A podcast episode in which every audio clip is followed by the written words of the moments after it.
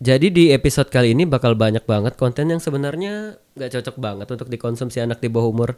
Jadi kalau kalian belum cukup umur atau moralis mending skip aja deh.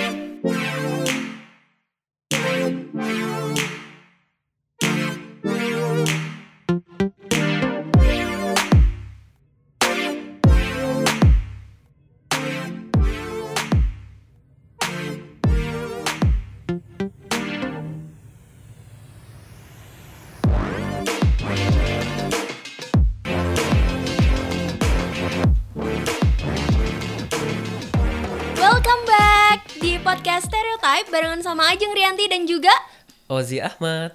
ya dan sekarang tanggal berapa nih Zi?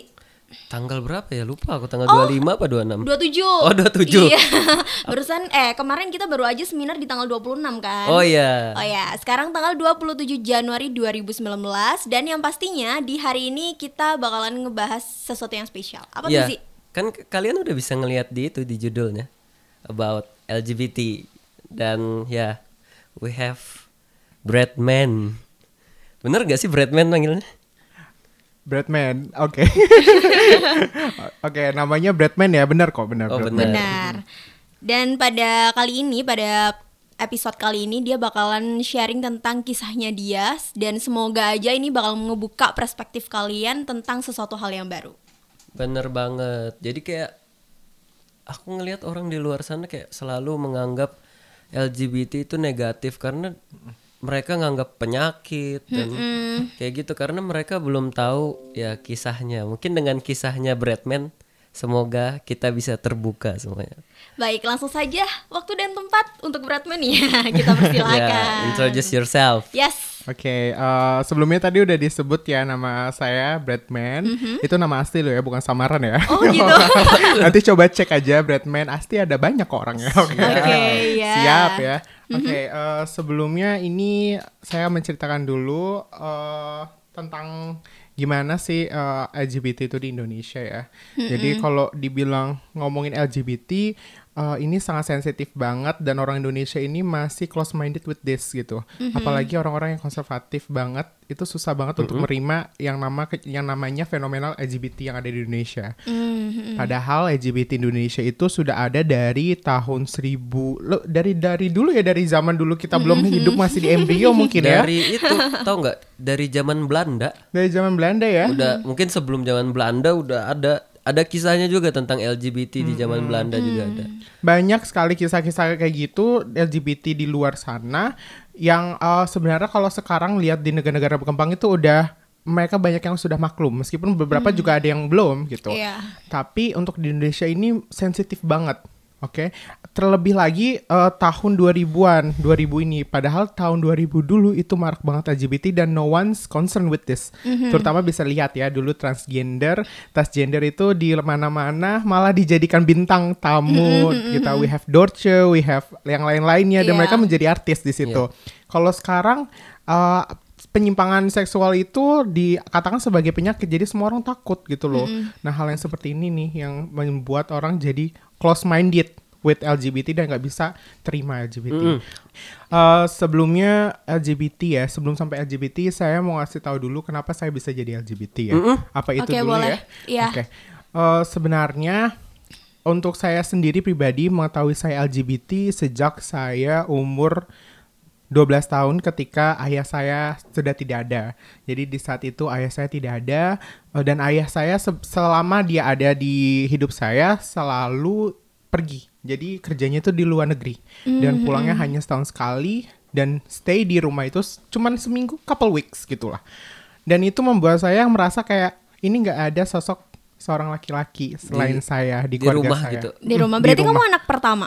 Saya eh, kalau saya dibilang anak ketiga dari tiga saudara dan duanya itu perempuan. Kakak saya dua-duanya Oke. perempuan tuh. Ibu saya perempuan, pasti ya. Nenek saya perempuan dan saya hidup di berada dengan eh, empat orang perempuan dan saya laki-laki sendiri bersama ayah ya- ayah saya. Tapi ayah saya nggak pernah pulang. Jadi saya ditreat layaknya perempuan seperti itu. Oke. gitu. Uh, jadi dari situ saya merasa kayak ah, aku merasa gitu ya kayak merasa eh treat aku tuh kayak perempuan. Jadi aku ada sifat feminis dikit dalam diriku. Hmm, Cuman dari dulu aku udah tahu kalau di sini ada laki-laki, pasti ada perempuan, ada perempuan, ada laki-laki. Saya tahu koda saya juga sebagai laki-laki. Saya berusaha banget menjadi seorang laki-laki, mencontoh Oke. dari kayak saya. Em, penyimpangan itu terjadi saat saya umur 11 tahun ya, katakan 11 tahun. Dari situ sebelumnya saya itu nggak menyimpang sama sekali, suka main bola, suka main apa. Tapi mulai 11 tahun itu saya lebih kayak menutup diri. Mengetahui kayak saya punya feeling I need a man gitu. I need a boy. Oke, Yang sosok laki-laki gitu ya. Ya, sosok yang sama seperti ayah saya yang bisa mengayomi, menyayangi seperti itu karena saya butuh banget saat itu. Nah, dari situ saya baru tahu yang namanya LGBT dan saya dulu, dulu sebelum tahu belum tahu namanya aku belum tahu yang namanya kayak LGBT itu apa sih. Itu tuh belum tahu. Belum tahu sama sekali. Akhirnya udah tahu itu saya doing research, tahu sendiri karena saya juga pada umur 12 13 tahun saat itu saya punya apa ya? Aku punya kayak feeling kayak aku harus pacaran sama cewek apa cowok nih gitu loh. Oh gitu. Terus akhirnya kamu memutuskan untuk Cewek. cewek.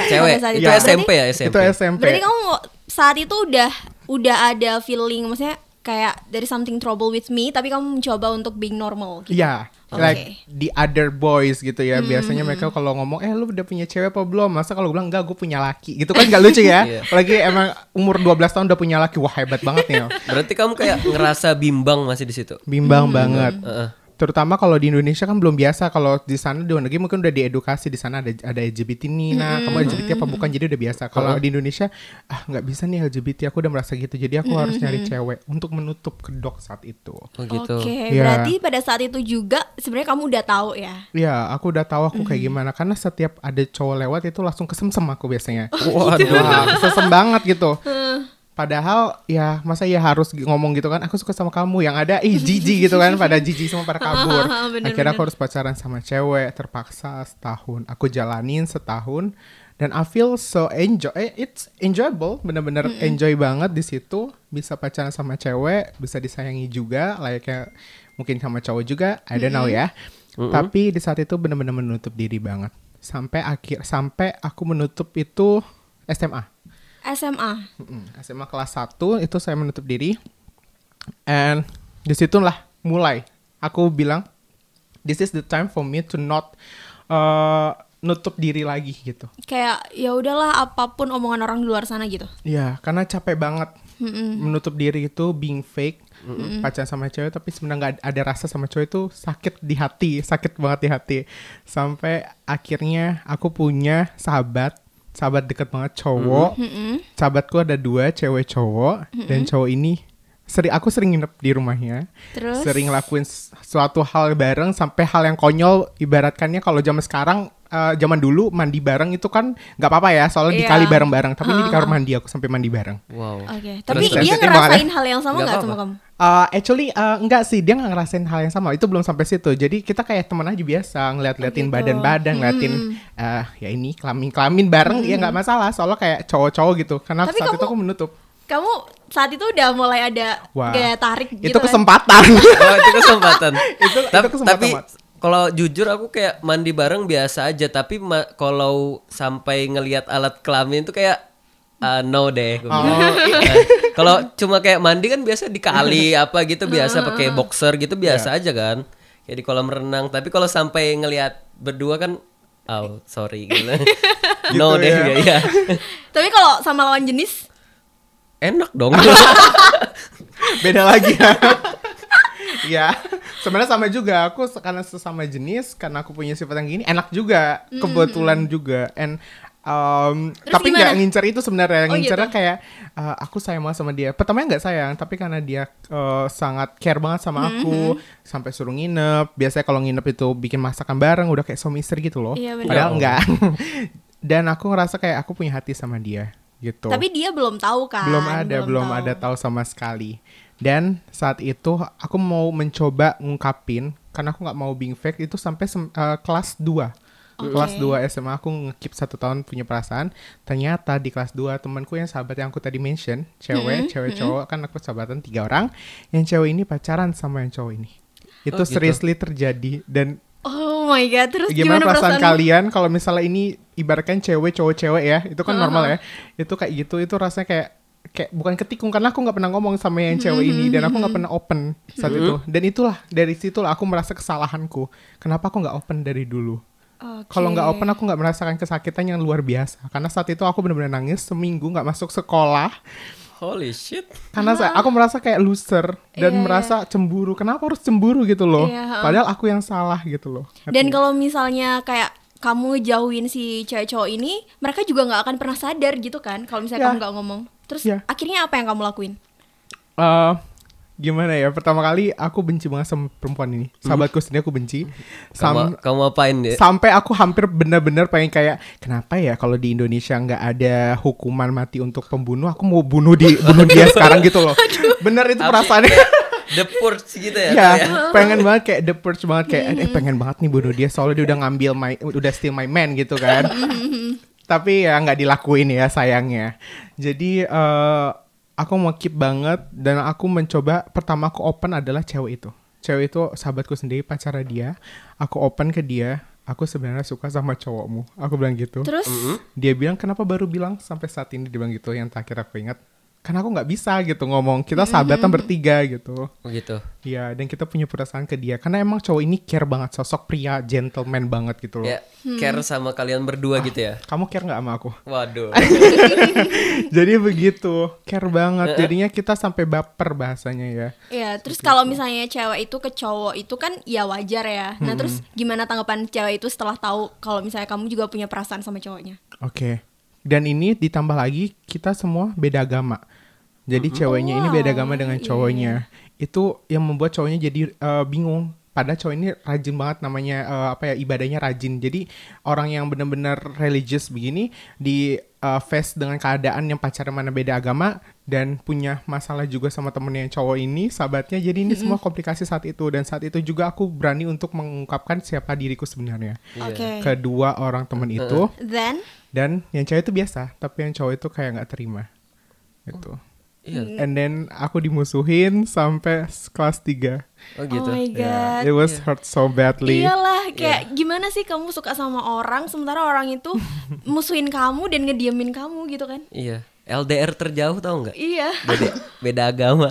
ya bener banget LDR terjatuh beda agama Mm-hmm. dan beda orientasi juga Ya, itu LDR juga Oh, berarti LDR beda juga. orientasi. Terus Makanya. lanjut sampai ini berlanjut sampai kelas 3 Tiga SMA, SMA. Setelah akhirnya lulus? kita lulus. Lulus kita ya kita sempat baikan semuanya. Dan aku juga minta maaf karena hal yang kayak gitu. Dan akhirnya dia open sama aku kayak open minded kayak iya nggak apa-apa dia bilang gitu. Uh, tapi maaf aku nggak bisa sama kamu gitu. Karena dia posisinya adalah straight gitu. jadi aku dari situ udah mulai terbuka sama teman-teman SMA aku aku bilang aku gay seperti itu Oke. Ada lagi yang satu mau kutanyakan. Kan kamu sebelumnya pacaran ini sama cewek kan? Ceweknya ini tahu nggak kamu kalau kayak masih bimbang? Iya, kayak Iya. biseksual lah istilahnya. Enggak, enggak tahu. Sebenarnya di saat itu juga saat saya aku suka sama cowok itu, aku juga ngedate sama temen SM di SD ku, SMP bareng itu sama temenku itu. eh, aku pacaran sudah tiga tahun dari kelas 1 sampai SMA aku nutup kedok juga lagi. Oh gitu. Iya, saat itu Oh, aku iya, juga iya. dibarengkan dengan hubungan yang normal sama cewek gitu. Mm-hmm, Ternyata cewek ini benar-benar sayang sama aku. Sampai kuliah, terakhir nih kuliah ya, ntar aja skipnya. Kuliah itu sebenarnya dikit aja. Dia datang ke kuliahku untuk pertanyakan aku ke mana aja. Oh, Jadi gitu. gitu. Itu was really stupid of me gitu. Aku sampai mencampakkan dia untuk sesuatu yang seperti ini. Iya. Oke. Kamu ngerasa biseksual di situ atau udah menentukan bahwa aku ini Gay. Iya. masa transisi ya bahasanya itu susah banget untuk tahu kita itu sebenarnya kita golongannya itu masuknya straight mau kan LGBT tuh stand up for lesbian, gay, bisexual sama transgender. Kadang ada yang dinambahkan Q, LGBTQ. Q itu for queer ya. Queer itu beda lagi omongannya. Nah, eh saat itu aku mencoba tahu aku tuh apa kalau transgender nggak mungkin ya. Nggak nggak juga gitu. Jadi aku mencoba mikir oh aku lebih cocok biseksual karena aku di situ punya perasaan ke cewek dan aku punya perasaan ke cowok. Oke. tapi no more straight. Kalau straight ya cewek, cewek ke cowok atau cowok ke cewek seperti itu. Dan saat itu lah bingung banget gitu loh. Terus waktu dia nyampe eh, nyamperin kamu ke tempat kuliah kamu, terus dia ngomong kayak gitu dan apa jawaban kamu? dan di saat itu di saat kuliah akhirnya udah lulus kuliah aku nyari jati diri aku sebenarnya seperti apa dan I found my man yang saat ini sekarang aku udah pacaran tiga tahun sama cowok dan cewek ini bingung datang nanya kejelasan aku itu seperti apa. Dan kita face bertiga sama cowokku yang sekarang.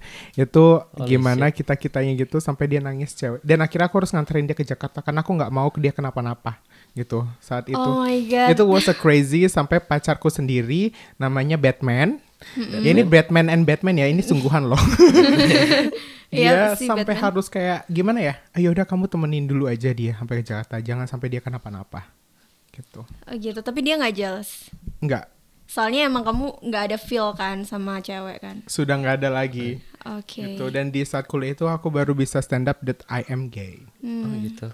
Terus akhirnya cewek itu bisa nerima semuanya. semuanya alhamdulillah bisa nerima beberapa orang tersebut masih bisa nerima Oke. Kamu masih kontak-kontakan gak sih sama cewek itu? masih sampai sekarang sampai Masih? terakhir kemarin dia lulus pun aku masih kontek-kontekan Dia di Jakarta berarti. di Jakarta karena rumah kami emang deket Oh dekat. Heeh, deket banget keluarga juga udah saling tahu cuman ya gitu seperti itulah Oke, tadi kan kamu udah sounding kalau misalnya kamu uh, decided apa ya nyebut diri kamu tuh kamu gay gitu. Nah, terus gimana sih keluarga kamu? Keluarga kamu udah tahu belum? oh my god keluarga ya Iya, Ya, soalnya kan berat ini, ini. Iya, soalnya kan rancuannya nanti uh, rujukannya tuh pasti ke inti yang paling deket dulu yaitu keluarga. Gimana? Ya, uh, I love you mom sebelumnya.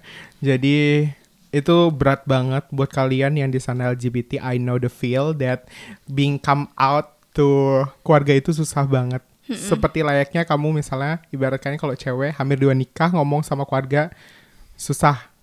Cowok hamilin anak orang ngomong ke keluarga susah. Ini sama kayak Di- gitu. diusir dong.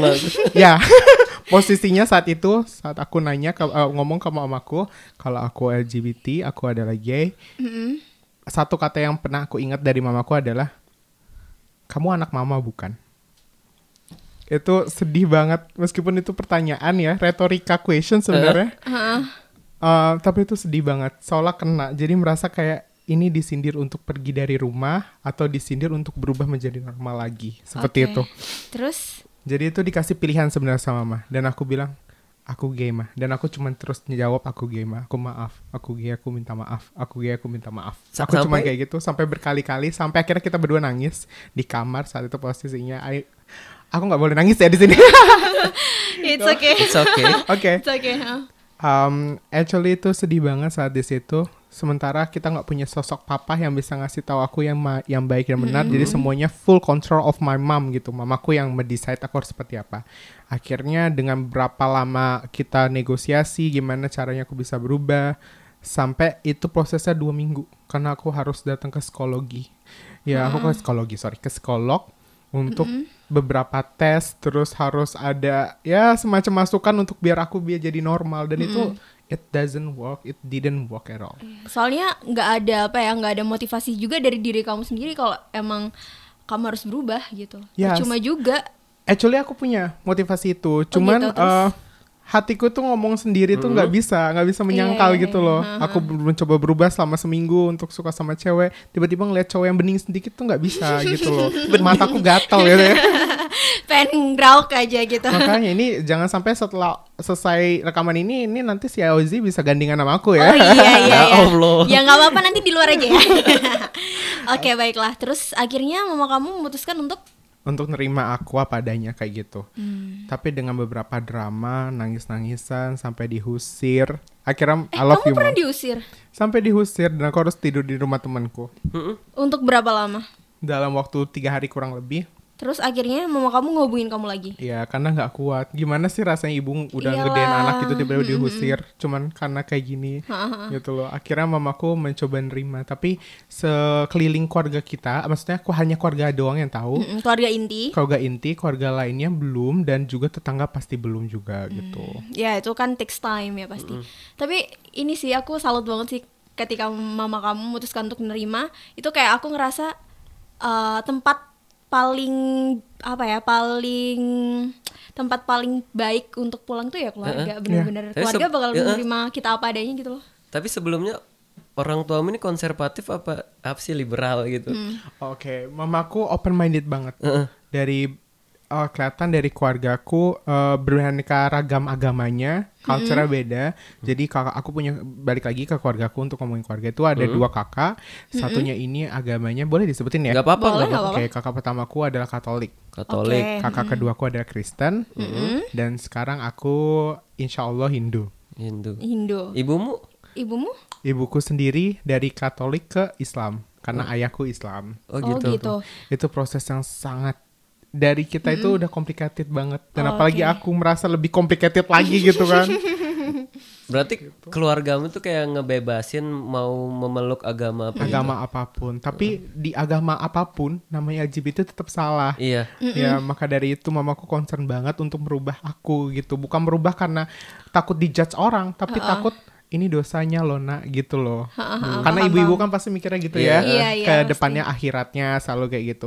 Cuman ya aku mau bilang iya mah aku berusaha gitu, tapi kasih aku time gitu. Sampai sekarang kuliah pun gimana kamu udah berubah? Nah, itu pertanyaan pertama kalau ditelepon bukan gimana keadaanmu enggak.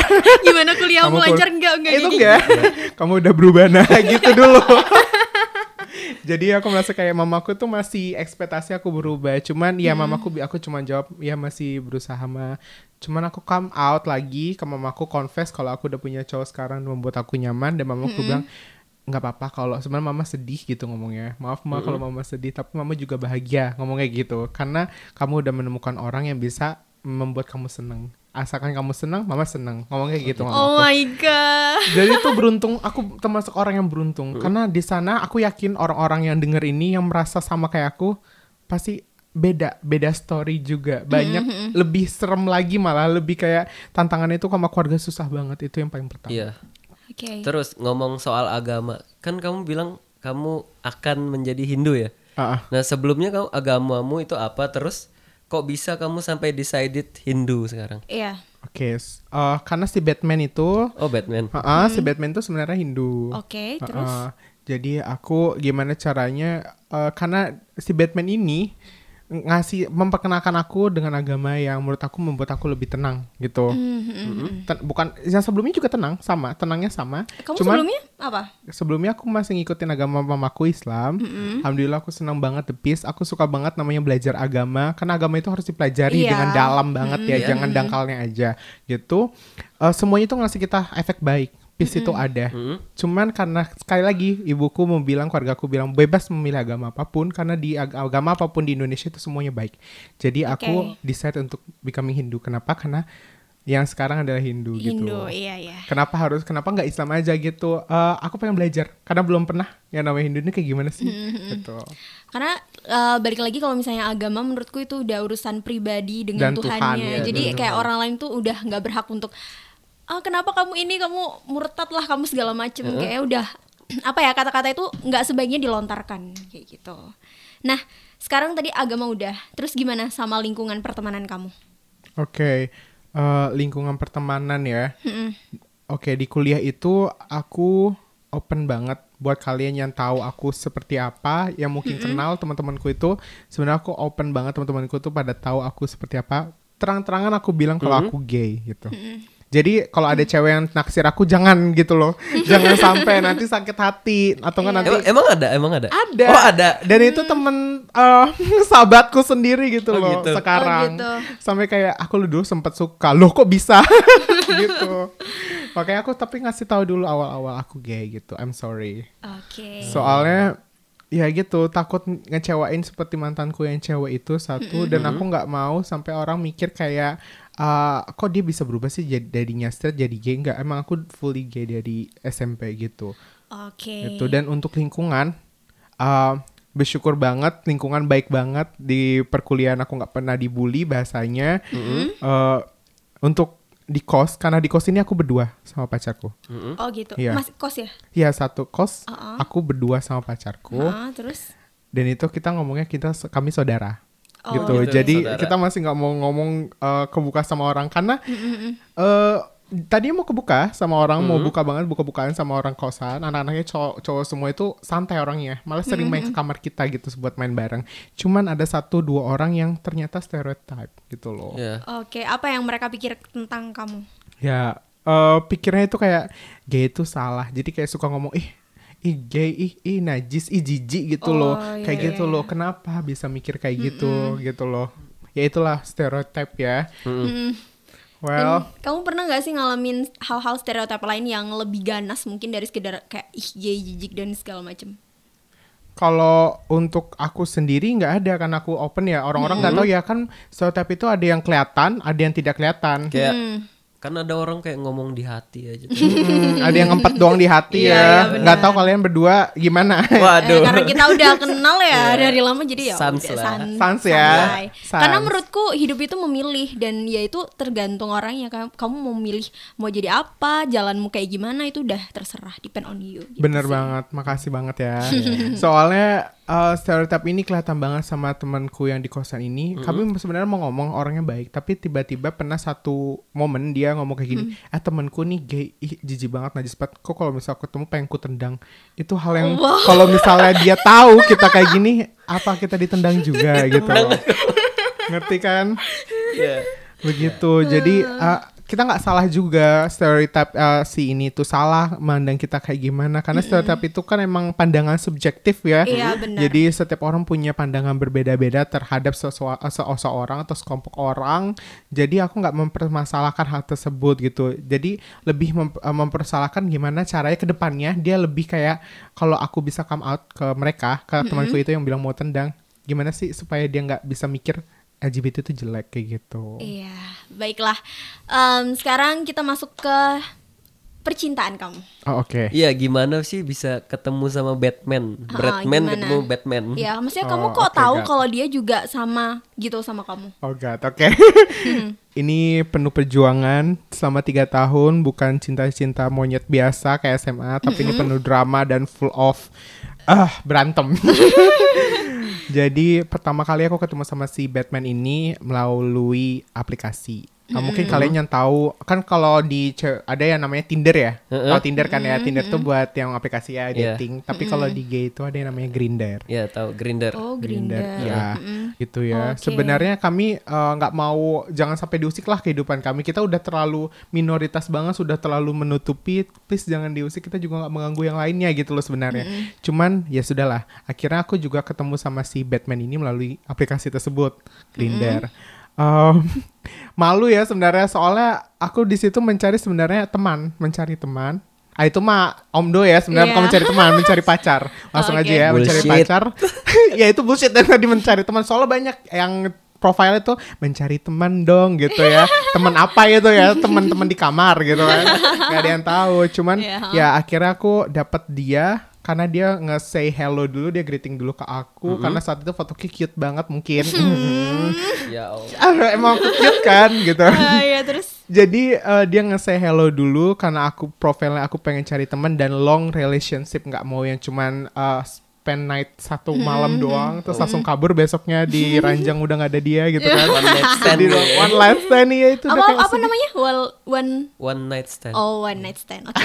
Terus ONS ya itu bener-bener sedih banget kalau dapet yang kayak gitu akhirnya aku mendecide sampai bener-bener orang ini mau nggak sih pacaran sama aku sampai akhir gitu akhirnya dia ketemu sama aku we date uh, kita ketemuan di malam dan saat itu I am so high mean meaning that I'm uh, boleh ya ngomong belak-belakan ya Boleh, Iyalah, boleh, jadi saat itu boleh. gue lagi horny banget oke Oke, gue dari dari aku dari gue aja ya ini soalnya udah ngomongin masalah percintaan soalnya jadi Iya. saat itu gue tuh horny banget Mm, terus Oke, kalian tau horny ya? Gak usah disebutin ya. Sange, Oke. sange. Sange. terus Dan saat itu dia pun seperti itu. Tapi aku gue nggak pernah mikir kalau misalnya uh, gue bakal kayak ngelakuin sesuatu yang uh, ke depannya bakal nyesel gitu. Itu nggak pernah mikir. And then yang gue lakukan saat itu adalah bahasanya service, oke?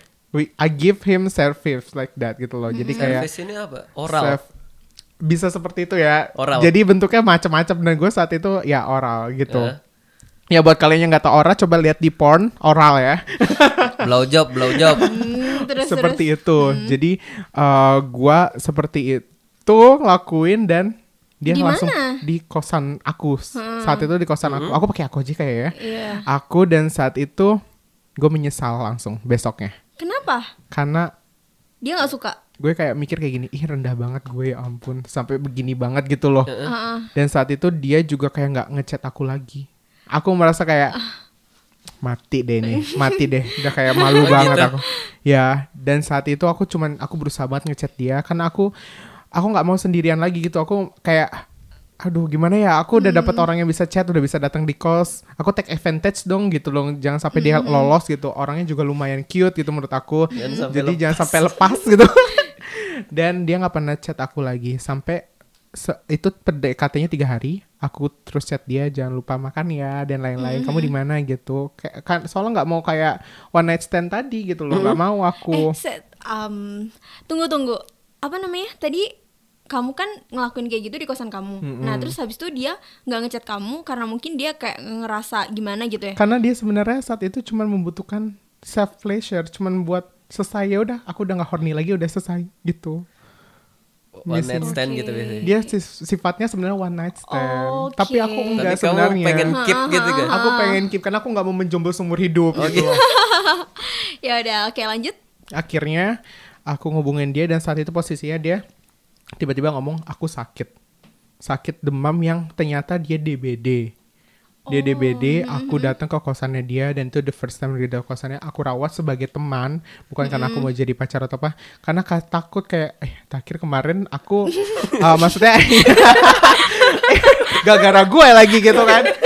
Emang gue kekencengan gitu ya, servis atau apa gitu. Jadi kayak eh, oke gue mau take care orang ini gitu loh. Akhirnya aku take care sampai seminggu dia sakit aku anterin bolak-balik ke rumah sakit. Dan di saat itu dia akhirnya baru dapet sukanya sama aku. Padahal dari kemarin tuh aku udah suka lumayan suka soalnya dia cute gitu. Untuk LGBT yang di sana pasti tahu orang-orang yang mau pacaran gitu pasti ngeliatnya ih ganteng ih ganteng ambil yuk gitu loh. Mainnya nggak ngeliat dari hati. Tapi kalau aku itu dua-duanya ganteng iya nyari hati juga. Tapi kalau Jack juga aku terima. Soalnya yang penting hatinya pas gitu loh. Oke, gitu iya. loh sifatnya enak aku terima-terima aja. Nah seminggu itu aku PDKT sama dia saat dia sakit aku rawat terus aku kompres badannya dan semuanya. Akhirnya dia suka sama aku dan nembak aku di malam itu eh, di malam ke 10 kita ketemu. Terus? Oke kita akhirnya in relationship kan? Sudah tuh sampai situ. Terus apa lagi? Eh, apa sih? ya Eh, kan kita kalau aku sama Ajeng Ajeng cewek nih Hmm. aku cowok kalian berdua tuh identifikasinya di Grinder itu gimana Oke. So actually kita date our first sex. Uh-uh. Oke. Our first sex is kinda rough karena kita di set seperti apa karena aku dasarnya versatile. Jadi di Versatile itu apa kan ya dijelasin dong. Oke tahu di di gay sendiri atau LGBT itu ada yang sebutannya role dalam seks itu Role, ya. adanya ada top, ada bottom, T for top, B for bottom, and v, V for versatile. Versatile itu antara top dan bottom. Dia bisa memilih jadi top dan kadang bisa jadi bottom. Hmm. Tergantung Maksudnya mood sih. dia milih jadi peran cewek atau peran cowok gitu maksudnya. nggak peran cewek sih bottom itu lebih ya i- bisa orang menyebutnya bottom itu lebih kayak girly yang top itu manly gitu bisa seperti itu uh, umumnya dan orang itu kayak uh, mau ngelakuin seks itu harus lihat-lihat. Nggak mungkin kan top sama top misalnya. Mhm, Ma- ma- cowok kan ya maaf ya masukin gitu ya. Iya, yang cewek biasanya yang menerima dimasukin gitu. Iya, nggak mungkin top sama top masa saling memasukkan gimana nih caranya? Lubangnya ke mana gitu kan? Akhirnya dia harus mencari yang partnernya yang beda gitu top atau bottom atau versatile versatile Oh, di gitu. saat itu aku pacarku versatile jadi Oke. di malam kita uh, did our first sex kita nanya siapa yang mau jadi bottom siapa yang mau jadi top and that in that time unfortunately aku yang jadi bottom gitu loh Mhm. Mm-mm. and then that is our first Sex. this Yeah. is no that's actually my first sex oh gitu that's my Okay. Eh, actually you're first virgin sex berarti in yeah, that time I'm totally virgin that time I'm totally virgin dan aku berani aku bisa kayak nggak bisa aku gitu loh. Dan saat karena aku pertama kali aku nggak mau sampai lepas dia. Kayak gitu oh perasaan. iya iya. pasti iya. dong perasaannya cewek juga pasti ya kalau kayak gitu nggak mau lepas dong gitu kok. Dan itu berjalan terus sampai tiga bulan. Dan saat itu posisinya mau liburan mau liburan semester yang panjang dua bulan. Itu liburan. Saat liburan itu ternyata orang ini selingkuh selingkuh. Pacarku ini selingkuh. So, yeah, sama laki-laki lain. sama he cheating on laki-laki. you gitu. He's cheating on me. Terus? Dan aku tahu. Siapa orangnya? jadi aku kan basically dari SMK ya teknologi. Aku tahu how to uh, ngeretas. Jadi aku ngeretas HP-nya dia. Aku cek semua chatannya dia dari jauh. Heeh. dan aku melihat semua dia janjian sama orang itu Wow. gimana perasaan kamu jeng kalau jadi aku? Ih kalau aku punya pacar yang kayak gitu pasti jealous lah, jealous, sakit hati, terus kayak kok bisa dia ngelakuin itu gitu. ya normal. So, pasti semua Normal, kayak gitu ya. dan itu harus ku keep sampai dua bulan. Sampai aku harus aku ngomong kayak gini semua aku buka-bukain. Nanti setelah aku ketemu pikiranku kayak gitu. Jadi gitu. setiap dia seks dia janji eh dia I'm sorry dia chat sama orang dia janjian mau seks sama orang aku screenshot semua aku kumpulkan dan itu sambil nangis. Setiap aku dia mau lakuin itu aku bilang kayak gini kamu mau ke mana? Kamu lagi apa? Nggak balas kamu lagi apa? Aku ping ping ping ping sampai aku telepon baru dia balas aku mau tidur. Padahal nggak. Padahal enggak. Berarti dia udah ngelakuin itu ke cowok lain juga. Yeah, then it's really hurt me so bad. Because I love him. Because I don't wanna my first virginity itu hilang gitu Iya, loh. ha. Jadi aku kayak "Ah, orang ini sakit ternyata. Aku merasa kayak gitu sakit. Dan aku tahu punya teman-teman yang kayak gini. Aku punya teman-teman LGBT juga yang kayak gini. Dan mereka itu hypersex sebutannya. Oh, Dan Oke. ternyata aku baru tahu cowokku yang sekarang itu hypersex juga. Hypersex juga. Tapi dia udah ngeluarin statement bahwa aku hypersex gitu. Tidak, Oh, soalnya dia nggak pernah tahu. Eh, aku nggak pernah dikasih tahu. Sampai aku harus nyari tahu gitu. Dari hal itu aku tahu di hypersex. Aku terus liatin dalam satu bulan itu dia udah ketemu orang tiga kali. Tiga kali dan dia tiga kali ke tiga tiganya juga ngelakuin seks juga. I don't know. Soalnya aku nggak tahu di eksekusinya seperti apa. Tapi aku cuma tahu chatan doang ketemu sama orang dan itu sakit hati banget. Dan dalam dua bulan tuh dia bisa koleksi 8 orang. Holy shit. Wow. Kayak Aluna ya, kayak Aluna. Awalnya 13 ya. 13. Kalah ya berarti pacarnya. Tapi ini selingkuhan aja. Oh gitu ya. Nah iya sama. Sistemnya dia selingkuhannya doang. Aku cuman ternyata sampai situ ak- uh, kita ketemu lagi di kosan bareng. Dan saat itu posisinya kita kosan udah bareng. Eh, aku s- jemput dia dari tempat dia diantarkan dari rumahnya ke ke Malang ini. Aku jemput dia untuk ke kos dan sama jalan dia cuma ngomong kamu kenapa kamu kenapa karena muka aku kayak diem gitu diem sambil senyum kayak senyum kamu tahu di Fake. film kan bukan fake lagi kamu tahu film-film pembunuh gitu kan kan dia sering senyum Oh, gitu ya iya. nah kayak gitu posisiku senyumnya kayak orang mau gue bunuh loh Oh, ini." Oke, jadi udah ibaratkan kayak di dalam jaketmu tuh udah banyak pisau yang Oh, udah siap. sudah banyak Kayak sinetron gitu. Ah, sinetron oke. banget Baiklah, itu. waktu eksekusinya gimana? eksekusinya sampai kamar kos cuman kamu ngomong kamu mau aku ngomong ya kata dia gitu kan oke bener nih aku bilang gitu. Ini resikonya besar aku bilang gitu. Terus? ya aku mau ngomong eh kamu aku mau kamu ngomong. Udahlah cepet kata dia gitu. Oke.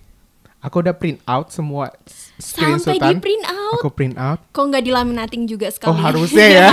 Lupa aku. Dijilid dong. atau jadi wallpaper ya di dinding. Hmm, bener, udah jadi dia masuk udah semua tempel. betul ya. Terus terus. Terus gimana? akhirnya aku kasih dan saat itu dia langsung keluar air mata yang aku lihat.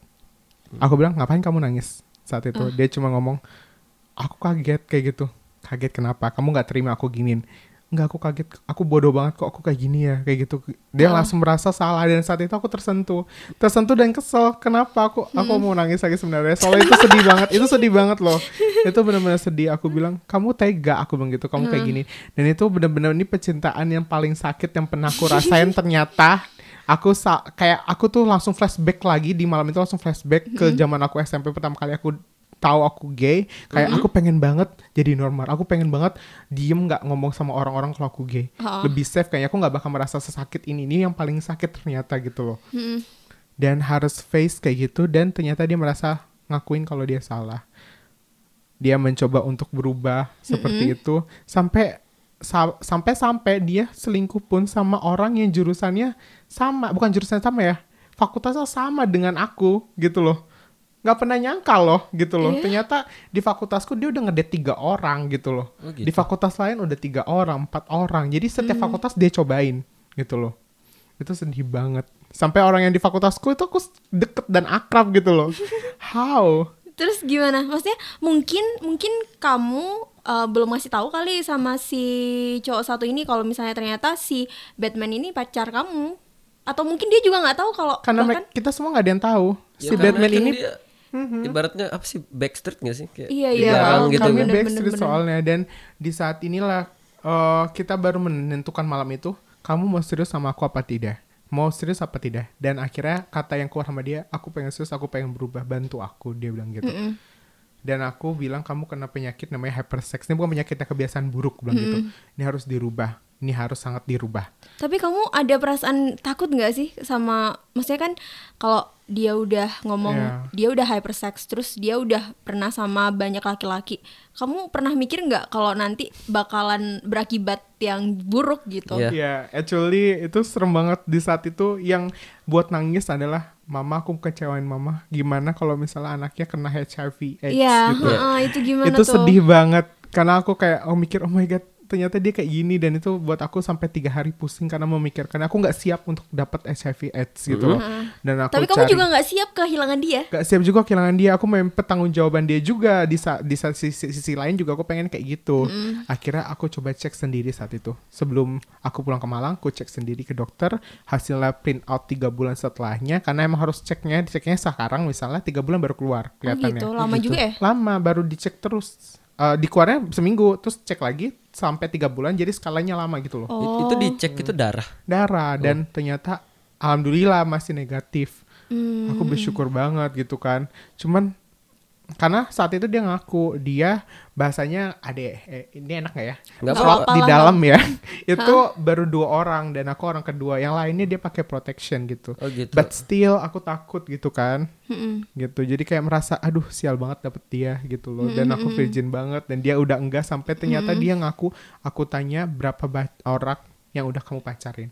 Dia hitung kukira hanya satu dua delapan orang ternyata tidak. Berapa? Itu hampir 26. 26 enamnya juga Pa- seks. pa- Yang pacar seks apa dia cuma 10 sekedar orang. having Sekedar sex gitu? Having sex, Oh, have Ya, fun doang. Iya kan tadi kamu bilang di awal dia one night stand. Iya gitu ya. ternyata dia aku figure out orangnya ternyata Iya. one night stand only Hmm. dan aku pengen ngerubah sifat kayak gitu jadi misiku saat kemudian ini orang bener-bener salah banget inilah yang membuat LGBT jadi jelek ngerti gak sih?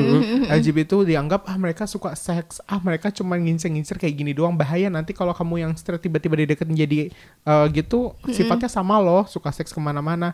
Itu yang jelek itu harus dihilangkan. Pada dasarnya orang yang normal pun sering kan ada yang selingkuh suka seks ke mana-mana nggak hanya LGBT nah itu yang harus dihilangkan dari pacarku ini masa aku punya pacar yang kayak gini gitu loh jadi misi terbaruku adalah ngobatin dia Ngisi ya. itu misi, Udah kayak main ini aja ya Kamu pernah detektif. doing a party, gay party gitu gak sih? oh my god mau Ma- oh mau. Holy shit. Berarti ada kepikiran dong. enggak enggak enggak mau kalau buat bercanda sama pacarku si Batman ini biasa kalau ini ah kamu suka ngeliat sini yaudah yuk kita sama dia aja party gitu gitu enggak enggak tapi itu cuma bercanda aku mikir kalau yang party itu jelek ya Oh jelek. Jelek banget, apalagi kasus kamu tahu yang di Jakarta, yang di Sunter ya tepatnya, itu sebenarnya Sunter itu tempat rumahku ya. Oh deket rumah. Ah, deket banget berapa blok itu rumahku sebenarnya Untung sejujurnya. aja kamu nggak join. Enggak, kalau kalau join pun untung juga. Kamu di invite apa enggak sih? enggak, Oh, mereka enggak tahu. Soalnya mungkin aku jelek kali ya. kurang Atau- ini kali ya, kurang apa Kurang tuh? keker, soalnya kan Iya. disuruhnya keker-keker. Masa aku datang ke situ skinny sendiri, skinny legend gitu kan. Nggak lucu ya. Terus, Jadinya eh, yang orang kayak gitu ya femina kayak gitu bahaya banget apalagi yang di Mm-hmm. situ yang dirugikan banyak banget Eh, itu kan kejadiannya si eh, cowok ini suami dia udah suami istri dan istrinya saat kerja ternyata suaminya gay gitu loh. Oh, nggak pernah ngomong dan suaminya bikin party. Sesampainya pulang istrinya tahu kayak gitu semua udah kejadian itu sedih banget. Nah makanya bagusnya come out untungnya orang-orang yang come out kayak aku udah keluar udah ngaku aku gay itu bisa meminimalisir kejadian seperti itu. Kemungkinan kalau aku nggak come out sama familyku aku udah dijodohin sama orang sama cewek yang selama tiga tahun aku udah pacari dengan fake itu kita nikah tiba-tiba aku ngelakuin party kayak gitu bisa aja dan itu merugikan dong aku Iya, nggak mau banyak sampai kayak pihak gitu. dong. Yang pertama kamu ngerugiin istri kamu, nyakitin dia, keluarga kamu, belum lagi kalau ketangkep, aduh, udah Aduh. muka dipasang di mana-mana. Malu banget kalau Iya, ketangkep bu, apalagi kalau dimasukin rehabilitasi. Aduh. Emang kalau misalnya party kayak gitu tuh semua dicobain. Nggak juga, nggak tahu Hmm. tergantung partinya apa. Kalau party orgy sex itu orgy itu bareng-bareng. Itu kemungkinan mereka nyoba satu-satu. Tapi kalau party cuma kan kemarin yang di videonya ada videonya itu katanya cuma joget-joget, tapi pakai celana dalam hebat ya. Jadi heeh, joget-joget pakai celana dalam. Aduh kalau aku mikir enak banget ya kalau di sini kan kalau cewek di situ juga seneng yang lihat yang badannya keker-keker, koko-koko lagi aduh. Ta- ya ngomongin Pedes. apa sih? HIV AIDS tadi kan eh, kemungkinan terkenanya saat party lebih besar kan? Oh besar banget karena bareng-bareng. Tapi bisa diminimalisir kalau mereka pakai protection, pakai kondom atau apa, nggak kemungkinan nggak kena. Tapi kalau nggak kalau nggak pakai itu yang bisa kemungkinan kena. Oh gitu ya. Dulu waktu kamu ngelakuin hubungan kayak gini kamu udah uh, udah prepare belum sih kayak oh nanti aku harus konsumsi ini kayak atau nanti aku harus check up ke dokter dan segala macam gitu. Iya, untuk safe kita we do safe sex itu benar-benar harus preparationnya itu lama, apalagi untuk LGBT. Karena kita punya lubang satu yang namanya anus, nggak lucu kalau misalnya isinya TAI. Jadi setidaknya aku biasanya uh, I'm fasting, nggak makan banyak, kadang-kadang kayak gitu. Oh, Oh, gitu. gitu. Untuk ngelakuin itu aku harus berkorban. Yang bottom itu harus berkorban biasanya. Then we have to clean up our intern dulu. Pertama itu takes like one and two hours. Ah, gimana caranya? Cleannya itu bias aku karena sekarang tuh udah punya alatnya kayak uh, spray gitu, sprayer, semprotan gitu. Jadi untuk membersihkan semuanya. Biasa somehow aku juga pakai uh, madu dulu itu buat save karena aku ngeliat-liat di artikel untuk gimana safe sex itu seperti apa sih untuk gay gitu loh. Oh gitu. Dan untuk yang gay di sana juga harus seperti itu. Karena kalau kita tiba-tiba langsung saya karena kita birahi atau gimana, kayak kucing aja birahi ya, itu nggak langsung jep jep jep jep gitu langsung main gitu nggak bisa. Kita harus prepare dulu, harus mandi, pasangannya harus disuruh mandi, biar bakterinya nggak ada. Kitanya juga harus mandi, harus dibaik, harus bersih banget gitu keadaannya. Enak kan kalau misalnya main keadaan wangi kan, masa iya keadaan bau kan gak enak dong. gitu. Dan Iya itu sih. bisa minimalisir banget, bisa banget minimalisir kita kena penyakit-penyakit yang tidak kita inginkan. Mm-mm. Berarti kamu kan sekarang udah satu kosan nih, maksudnya satu ini. Berarti kamu juga sering dong doing this. Hmm. Iya. Berapa seminggu? Berapa kali? oh, enggak sama oh, pertama kali kita ketemu we did it like sebulan tiga kali. Hmm, Oh gitu. Terus- dijadwalin udah ya, tanggal ini, tanggal ini, tanggal ini gitu. Ketik kadang-kadang juga kalau dia tiba-tiba hari ini lagi megang-megang atau apa langsung ayo sekarang gitu eh, itu yang paling seremnya aku harus ntar dulu aku harus preparation dulu dan Oh, lain-lain. Oh gitu. Aku yang biasanya nggak mau. harus KRS dulu. KRS dulu. Iya KRS-an dulu, bener banget. Nah kalau sekarang karena dia aku rubah mindsetnya dia jangan kita pasangan kita pacaran jangan cuma untuk seks dong gitu loh. Ya jadi sekarang kita eh, lebih teratur hidupnya kayak kita do that cuman sebulan sekali misalnya atau bisa lebih di suppress lagi, suppress lagi tiga bulan sekali kayak gitu. Kenapa? Biar safe gitu. Atau kita pacarannya sehat kayak cewek sama cowok jalan-jalan. Dan sekarang kita kayak gitu jalan-jalan ke mana-mana buat kalian tahu aku sering makan makan-makan bareng dan lain-lainnya. Itu ya udah itu ya yang kita lakukan sekarang Oke, ada pertanyaan lagi nih. Kalau misalnya cewek cowok pacaran di tempat umum, biasanya kan pegangan tangan, terus kayak ngerangkul pinggang atau pundak gitu kan. Terus kadang nyandar-nyandar. Hal itu juga kamu alamin gak sih? sering sih sebenarnya diem-diem tapi dia Oh, kayak kalau dia mau romantis karena dia orangnya bukan romantis jadi suka tiba-tiba kayak megang gitu ini umum loh. Ini umum aku gitu dan Oh, aku kayak gitu. mataku melotot. Ini umum ini umum. Jangan kayak gitu mbak nanti rusak nama baikku gitu kan. Ya kamu kan udah ketahuan. Tapi still aku malu kadang-kadang. Apalagi uh, di depan orang yang tua gitu. Orang tua kan masih konservatif ya masa ngeliat Iyalah, orang dulu masih ini Heeh. banget kan. Tapi aku sih punya jarak jitu. Pernah kayak aku dipegang tangannya gitu terus ada orang liatin. Terus aku pura-pura kayak orang buta. Maaf ya, bukan nyinggung atau apa, cuma kayak eh uh, Tapi jelek nih gitu. banget sih. Iya, Acting gua anjing. jelek actingku sebenarnya itu terjadi di bioskop. Dan lucunya ini bioskop kan orang nonton ya, kok aku bisa orang buta nonton gitu kan? I'm sorry bukan gitu, maksudnya aku kayak ah, aku gimana aku nggak habis pikir saat itu, bener-bener kepegang tangannya dan dia tuh iseng, dia tuh iseng lagi pengen bercanda. Jadi gimana cara gue mikir gitu, aku jadi orang buta itu bodoh banget gitu. itu oh belum filmnya belum main atau belum di dalam bioskop? itu udah setelah di dalam setelah aku ada di bioskop jadi orang tuh lebih lebih aneh lagi mikir padahal gue jalan kayak orang nabrak-nabrak Iya. gitu oke oke kok aneh gitu emang otakku kadang-kadang ya seperti itu ya Ya, genain kan kayak pandangan sinis dan segala macam kan itu di dunia nyata kan misalnya. Nah, di sosial media kan sekarang orang Oh, ya Iya. pasti marak banget kayak hina-hinaan di sosial media. Cyberbullying tuh Iya. yang lagi marak-maraknya. Karena ya itu aku sering ngeliat kan kayak di luar negeri itu kayak doing make up terus dihina-hina LGBT yang Oh, bener. gay yang doing make up terus dihina-hina gitu. Nah, itu kamu pernah ngalamin gitu nggak sih? Kayak gitu ya. Eh, sejujurnya aku um, lumayan nggak terlalu aktif di sosial media. media. Udah Hmm. nutup akun juga Instagram dan lain-lain karena menurut aku nggak penting gitu. Buat aku nggak belum penting. Tapi dulu aku sering aktif. Dan kadang-kadang aku nerima chat-chat yang seperti itu sama teman-temanku yang lama yang nggak terima aku, yang orang-orang yang stereotip gitu lah ibaratnya. Itu ngomong kayak eh biasa aku disebutnya bencong gitu ya. Saking karena aku terlalu kayak cewek. Padahal enggak eh, padahal enggak, aku nggak nerima. Aku kesel kalau disebut bencong itu kayak aku enggak gitu loh. Oh kamu gak suka disebut bencong? Gak suka itu sensitif banget buat aku. Kalau Soalnya misalnya kayak homo gitu. Homo gitu. nggak apa-apa, emang Oh, iya nggak gitu. Oh iya, jadi lebih baik kayak misalnya kamu di judge itu ya sekalian yang bener kayak apa adanya. Oh, dia ngejudge kamu homo ya, ya emang kenyataan kayak gitu. Mendingan gitu. kayak gitu soalnya orang mikir kayak eh, kalau bencong pasti homo, homo pasti bencong kayak gitu loh. Orang-orang normal kan mikirnya kayak ih bencong tuh orang homo, ah tuh orang homo pasti bencong kayak gitu kan. Padahal nggak semua karena istilah bencong itu kan arahnya ke transgender ya. And which is aku nggak transgender dari pakaianku nggak sama, kelakuanku juga nggak terlalu kayak gitu gitu loh. Mungkin somehow aku feminis tapi nggak terlalu kelihatan kayak iya ampun tiba-tiba kayak jungkar julik atau apa gitu kayak Iya, atau cewek pakai lip lip stick, gloss atau lip apa? Gloss, Mm, mm. no no no I, I didn't use that gitu loh. Ya hal kayak gitu sering ketemu di Instagram sering di DM atau apa. Atasinya cuman aku kadang-kadang nggak aku nggak langsung marah gitu. Nggak aku cuma kayak ngomong eh makasih ya udah kasih tahu eh, tapi ya itu balik lagi ke kamu. Coba koreksi dulu semua orang itu punya kesalahan punya kejelekan. Eh, please jangan judge aku. Aku nggak ngejudge kamu. Aku bilang gitu aja. Supaya kenapa aku kayak eh, jangan sampai aku menimbulkan membuat nama LGBT yang sekarang itu lagi udah jelek tambah jelek gitu aku nggak mau karena nggak semua orang LGBT itu jelek sifatnya enggak Mm-mm. Anyway kan kamu kayak gabung aktivis itu gak sih? iya Heeh. Alhamdulillah aku uh, alhamdulillah ya soalnya itu benar-benar aku dari situ aku jadi kebuka lebih kebuka lagi masuk ke LGBT. Tapi emang ini masih komunitasnya komunitasnya nggak terbuka, Oh, orang gitu. tertutup buat orang yang concern untuk menta- meminta HAM gitu loh. Hak kita tuh Oh, seperti iya. manusia tuh seperti apa.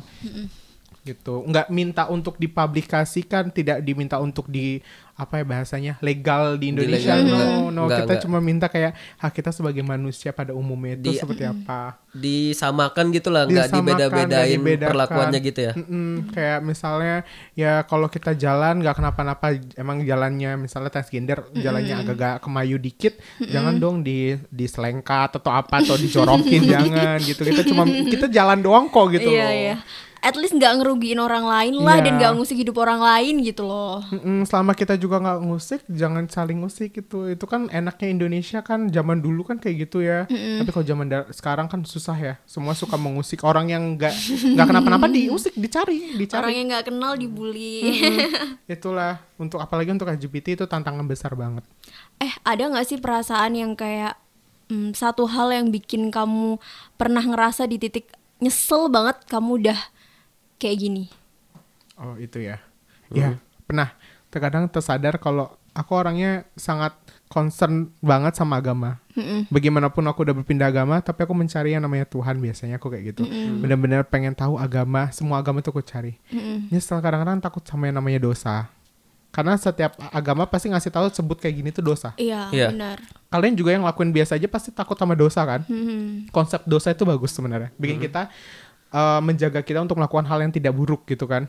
Dan menurut agama Hal yang buruk, tidak baik oh, sih? hal yang tidak baik salah. Iya, ya dan aku sudah melakukan itu terus jadi kayak nyesel kayak aduh aku mau balik lagi. Dan aku juga pengen pengen banget nggak kayak gini.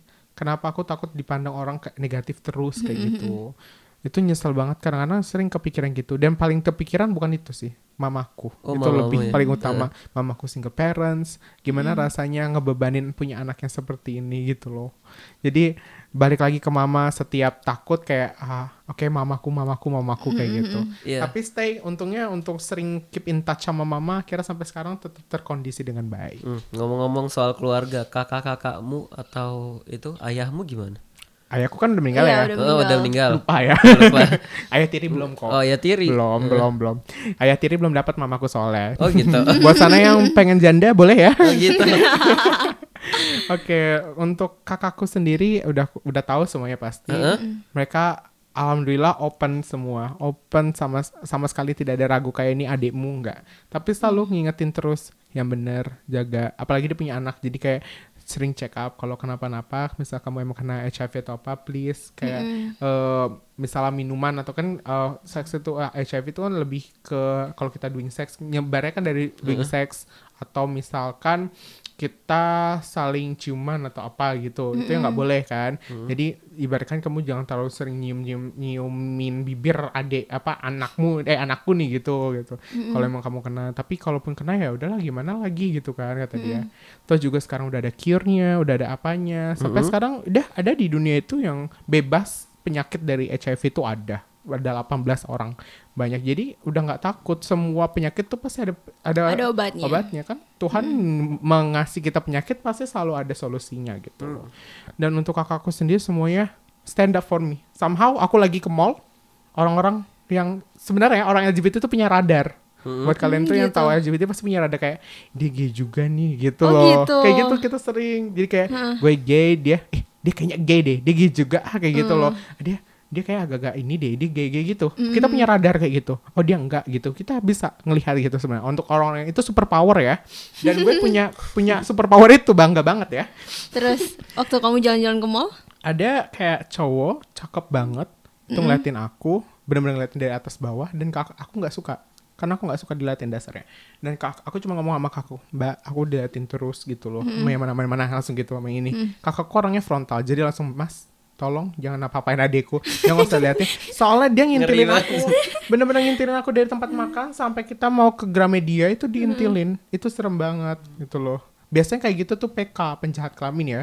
Banyak kan yang PK PK ya di istilahnya. Nah Berarti dia juga punya radar dong. punya bisa tahu. bisa ngelihat soalnya obviously aku kelihatannya kayak gitu banget. Soalnya pakaianku dan lain-lainnya saat itu aku bener-bener eksentrik banget gayanya. Jadi oh, kelihatan banget gitu loh dan tuh serem banget dia habis dari gym. Biasanya orang-orang gym tuh banyak. Jangan salah ya ajeng ya kalau misalnya ke gym ada yang bening dikit dilihat dulu ditanya dulu kalau bisa dia gay apa normal.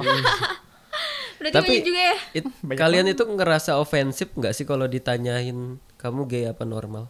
Ofensif apa nggak ofensifnya tuh tergantung orangnya Oh gitu. kalau orangnya sudah siap ditanyakan kayak aku aku nggak ofensif tapi Kalau untuk kayak Batman gitu. si Batman ditanya gitu malu dan takut pasti. Oh gitu. Itu lebih malu ketakutnya. Kalau ofensifnya mungkin setelah dia ngomong dia eh, dia berani untuk ngomong terus tiba-tiba temennya nggak eh, nggak suka terus disinggung terus nah itu ofensif.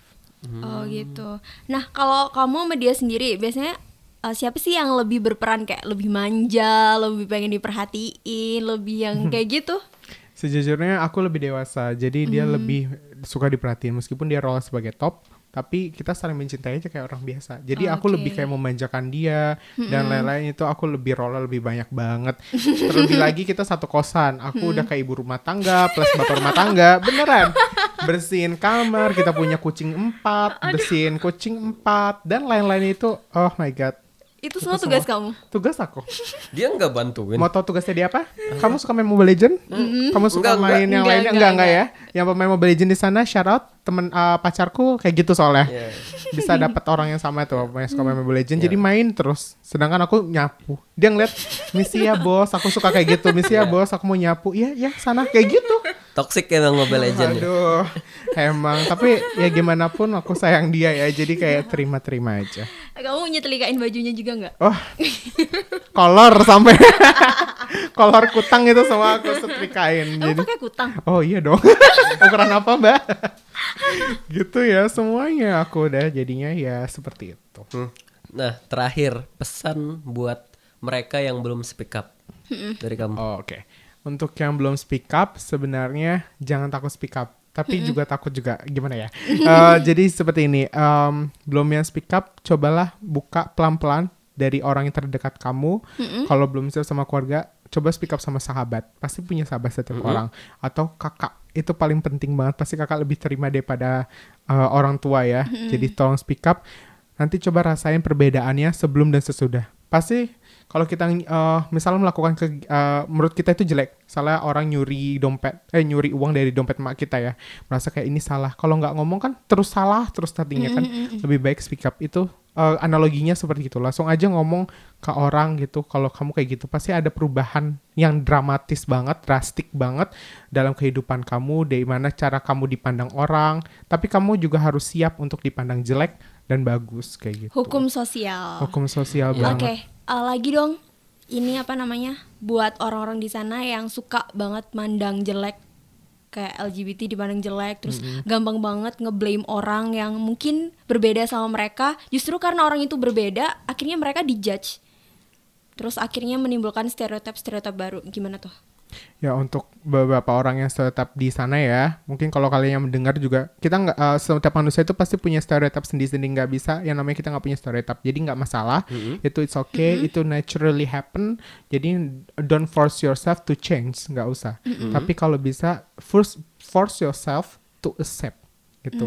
Eh, kita ada di dunia ini kita berada di dunia ini bukan bersama orang yang sama sifatnya seperti kita kita punya eh, bersama orang yang sifatnya berbeda-beda harus saling menerima harus saling menjaga. Itulah tugas kita sebagai manusia. Kenapa nggak mau jangan sampai bumi ini tuh di ada manusia semakin hancur gitu. Nah jangan sampai seperti itu. Jadi keep in peace aja santai sa- eh, sepanjang orang itu tidak merugikan kamu jangan sampai kamu merugikan orang itu juga. Iya, siap gitu ya. Gimana sih? ya kayak ngebuka banget sih dari apa top bottom aku nggak tahu sampai jadi tahu terus Oh, bener apa flir apa tadi? Ver- versatile. Versatile. Oh iya, Iya. versatile juga jadi tahu. Terus gimana apa namanya? Anak-anak game mandang sesuatu juga ternyata dia Iya. open minded juga gitu loh. terus Bahkan ya gitu kayak hal-hal yang sebenarnya ofensif atau enggak mereka tuh jadi, jadi kita juga tahu Oh, oh, jadi kita juga harus tahu gimana kalau misalnya ngadepin orang yang seperti mereka gitu, nggak asal tabrak aja gitu takutnya nanti nyinggung dan segala macem. ya in- Terus In- lagi, Iya, Duluan, terus- duluan, duluan, iya, duluan. udah. terus lagi kalau uh, kalau aku sih tadi nyimpulin juga dari siapa tadi? Bradman? Oh iya Bradman. dari Bradman. Kalau misalnya nih setiap orang tuh punya kebenaran masing-masing gitu. Menurutku benar bukan berarti menurut Bradman juga benar. Menurutku salah juga bukan berarti menurut Bradman salah gitu. Jadi gimana caranya kita buat saling nerima aja lah gitu, belajar menerima. ya dari aku tidak ada kebenaran yang absolut Ah, betul banget I love that Benar juga sih. ya udah Oke, em, thank you banget buat kamu yang udah dengerin. Semoga di episode kali ini banyak hal yang bisa kamu dapetin dan yang pastinya bisa membuat kamu lebih open minded lagi untuk hal yang seperti ini. Mm-mm. Kalau ada saran atau hal yang pengen kalian ceritain bisa email kita langsung di podcast stereotype@gmail.com dan Thank you banget buat uh, Bradman yang sudah datang ke sini dan membagikan kisahnya. Ini benar-benar akan membuat apa ya? Akan menyebarkan virus-virus ke banyak orang supaya lebih lebih terbuka dan mau speak up mungkin di luar sana ya kan. Mm-mm. Terus lagi buat ini apa namanya? UB UB House Production thank you banget. Terus ada yang mau disampaikan lagi?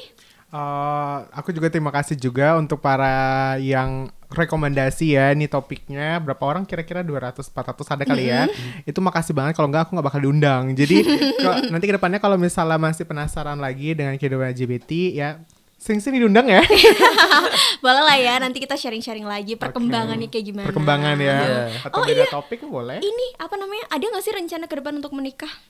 Oh, Sebelum kita menikah. tutup oh, ya. sebelum kita tutup ya. Ada sih rencana kita maunya kemarin tuh di Thailand. Di Thailand. Karena dia suka Thailand, nggak tahu apa dia mau cari orang Thailand. Jadi aku eh, mencoba mencari tempat yang sepi. Kalau nggak di Switzerland atau di mana pengennya gitu atau nggak Belgia. Di Belgia itu ada orang Indonesia banyak banget dan kemungkinan mereka open minded semua. Oke, yang pasti negara itu sudah melegalkan ya. Sudah dong. Kalau nggak kayak gini nanti di Indonesia. Oh iya. Oke, sudah kita tutup episode kali ini. Aku Ajeng Rianti. aku Ahmad Fahrozi Dan aku Bradman Rock. goodbye Goodbye. Bye-bye.